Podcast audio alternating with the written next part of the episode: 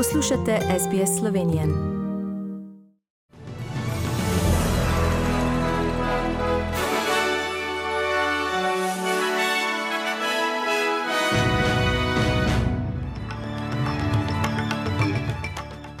V poročilih 10. julija 2021 v New South Walesu ukrepe zaradi COVID-19 zaostreni, Pfizer bo zaprosila za odobritev tretjega odmerka cepiva proti COVID-19 in Evropska komisija je Sloveniji za letos napovedala 5,7 odstotno rast bruto domačega proizvoda.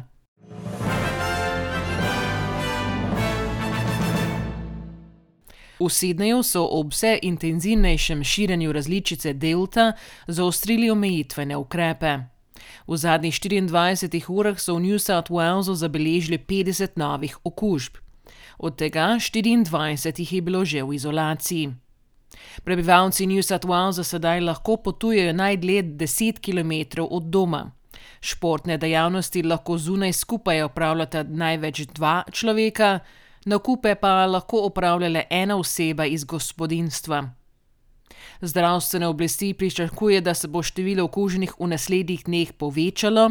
Premijerka New South Walesa Gladys Berejiklian pravi, da se bo zaprtje končal le, če se število okuženih dramatično zniža. Oblasti v Viktoriji niso odpisale popolnega zaprtja meje z New South Walesom, potem ko je zdravstveni minister Martin Foley spodbujal prebivalce Viktorije naj ne potujejo v New South Wales. Številni ukrepi COVID-19 so se zrahljali, zvezdna država pa že deseti dan ni obeležila nobene nove okužbe. Območje Greater Sydney ostaja rdeča cona. Prebivalci Queenslanda, Severnega teritorija in Pertha bodo lahko od jutri dalje vstopili v Viktorijo brez testiranja ali karantene. Brisbane, Moreton Bay in Sunshine Coast ostajajo oranžne cone, za vstop v državo je potreben negativen test. ACT in regionalni New South Wales ostajata v oranžni coni.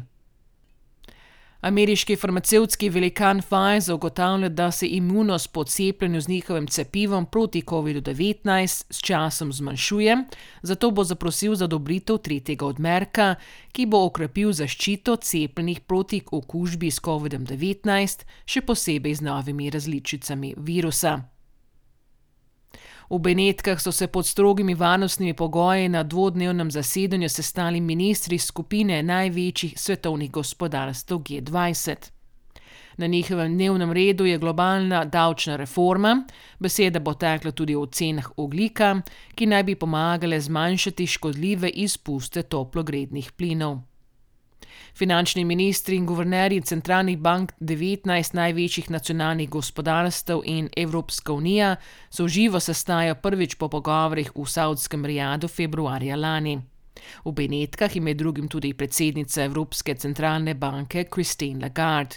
Kitajska in Indija pa sta se odločili za virtualno sodelovanje. Evropska komisija je Sloveniji za letos napovedala 5,7 odstotno rast bruto domačega proizvoda, kar je nič celo 8 odstotne točke več, kot je predvidela spomladi. Za leto 2022 je napovedala 5 odstotno rast, kar je nič cela 1 odstotno točko manj kot v majski napovedi. Konec junija je bilo v Sloveniji v evidenci brezposelnih registriranih 71 tisoč oseb, kar je 5,4 odstotka manj kot maja in 20,5 odstotka manj kot junija lani. Brezposelnost se je zmanjšala po vsej državi, najbolj pa v območni službi Zavoda za zaposlovanje Koper.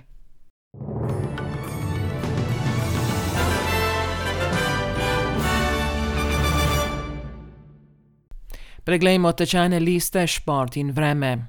Za ameriški dolar boste odšteli 1,33 dolarja, za evro 1 avstralski dolar in 58 centov. Avstralska teniška igralka Ashley Barty in čehinja Karolina Pliškova sta današnji finalistki odprtega teniškega prvenstva v Wimbledonu. V moški konkurenci boste jutri zjutraj v finalu igrala Srb Novak Djokovic in Italijan Matteo Berettini. V ponedeljek zjutraj po našem času pa bo angliška nogometna reprezentanca igrala proti Italiji v finalu Evropskega prvenstva. In še napovedi vremenske slike za nedeljo po Avstraliji.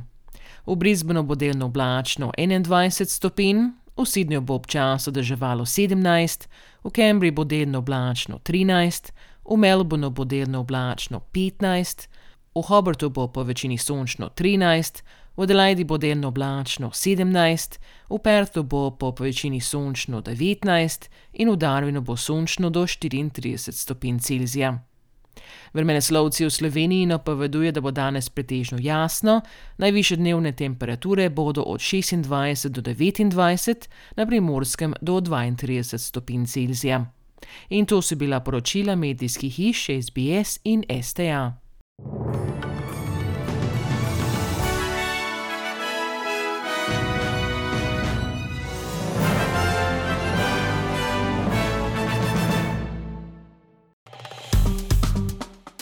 Všečkaj, deli, komentiraj. Spremljaj SBS Slovenijo na Facebooku.